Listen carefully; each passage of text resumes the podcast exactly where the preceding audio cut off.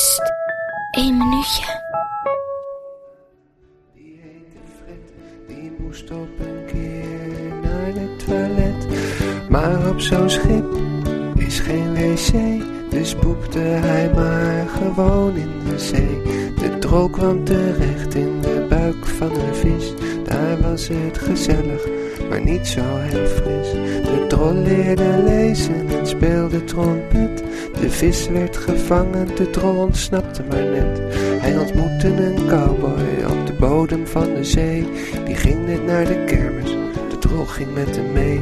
Ze gingen in de achtbaan, dronken cola uit een fles. De drol zag een meisje, ze leek wel een prinses en hij wilde met haar kussen.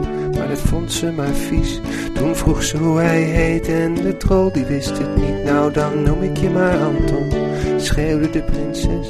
En toen ging ze weer weg naar accordeonles. Anton de drol.